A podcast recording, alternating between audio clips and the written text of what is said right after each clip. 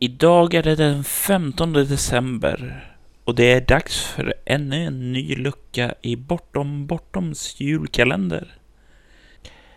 I dagens lucka så serverar John praktiska tips om vad du bör tänka på rörande fika kring spelbordet.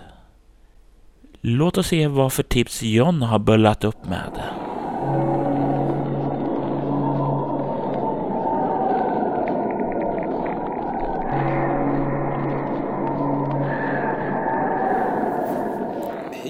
Välkommen till Bortom Bortoms julkalender 2012. Idag har jag ett litet kort avsnitt som berör ett ämne som jag gissar inte är så vanligt att ta upp på podcaster som handlar om just rollspel. Jag tänkte beröra ämnet fika och mellanmål på rollspel. Vi alla känner ju till situationen när en spelare, eller spelledare för den delen, får lite blodsockerfall, börjar bli grinig, blir lättretad och helt enkelt börjar bete sig dåligt. Då är det ett bra läge att ta en liten fikapaus eller ett litet mellanmål. Vissa spelgrupper löser detta med att helt enkelt ta en paus i rollspelet och gå och fika på den lokala restaurangens café eller liknande. Vissa eh, fikar under själva spelpasset. Min spelgrupp till exempel, hos oss har vi nästan alltid kaffe redo för alla spelare som vill. Ja, vi helt enkelt tycker väldigt mycket om kaffe i min spelgrupp och jag kan säga att det är nog ganska mycket pengar som har gått till att köpa kaffe i just min spelgrupp. Vissa spelgrupper tycker väldigt mycket om te och visst det är lite mysigt med en liten tekanna mitt på bordet där bland alla tärningar och karaktärsblad. Då det finns väldigt många sätt att ta mellanmål och fika på så tror jag att man ska utgå lite grann från att ta något form av snack som inte stör spelet så väldigt mycket. Har man till exempel chips som är ett vanligt snack för de flesta så tror jag inte det passar så vidare bra på ett eh, spelbord. Jag tänker själv den här spännande slutstriden mellan ljusets och mörkrets makter som eh, kanske inte passar sig lika bra att ackompanjeras av påsprassel och tuggande och crunchande från chips. Försök ta något enkelt men ändå någonting som man står sig på en liten stund. Att bara leva på godis är ju ingen höjdare i längden. Just för att, ja, av olika anledningar. Man ska ju helst bara äta godis på lördagar, sägs det ju.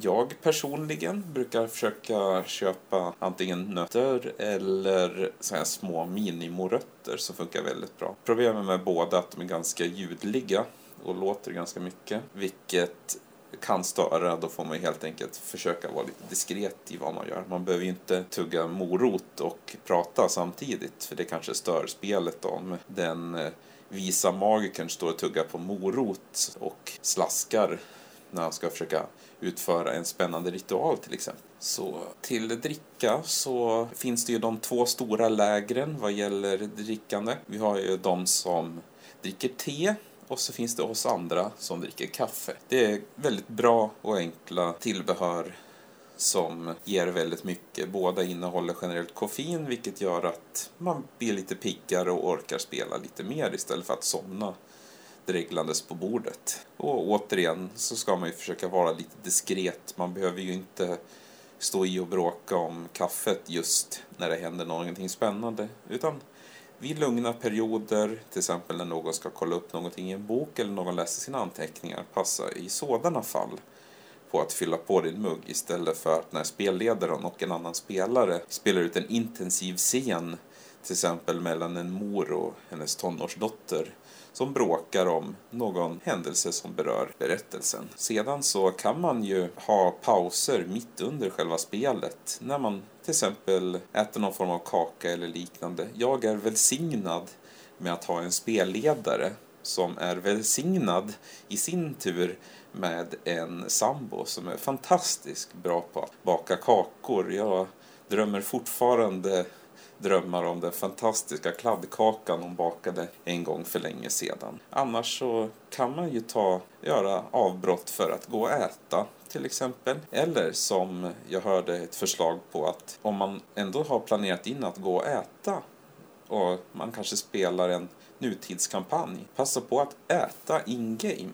Ha maten förberedd och på något sätt antingen beskriver hur karaktärerna går på restaurang eller hur spelarna själva har lagat mat. Och så spelar ni igenom medan ni sitter och äter. Det kan ge lite extra stämning om man tänker hur ens egen karaktär skulle bete sig under en måltid. Kanske har den bättre bordsskick än du har, eller så kanske personen har sämre bordsskick än du. I vilket fall så blir det lite spännande att spela på. Det var mina funderingar kring mellanmål och fika på rollspel. Lite korta tankar, lite stort sådär. Så, tills vi hörs nästa gång. Ha det bra och spela roligt.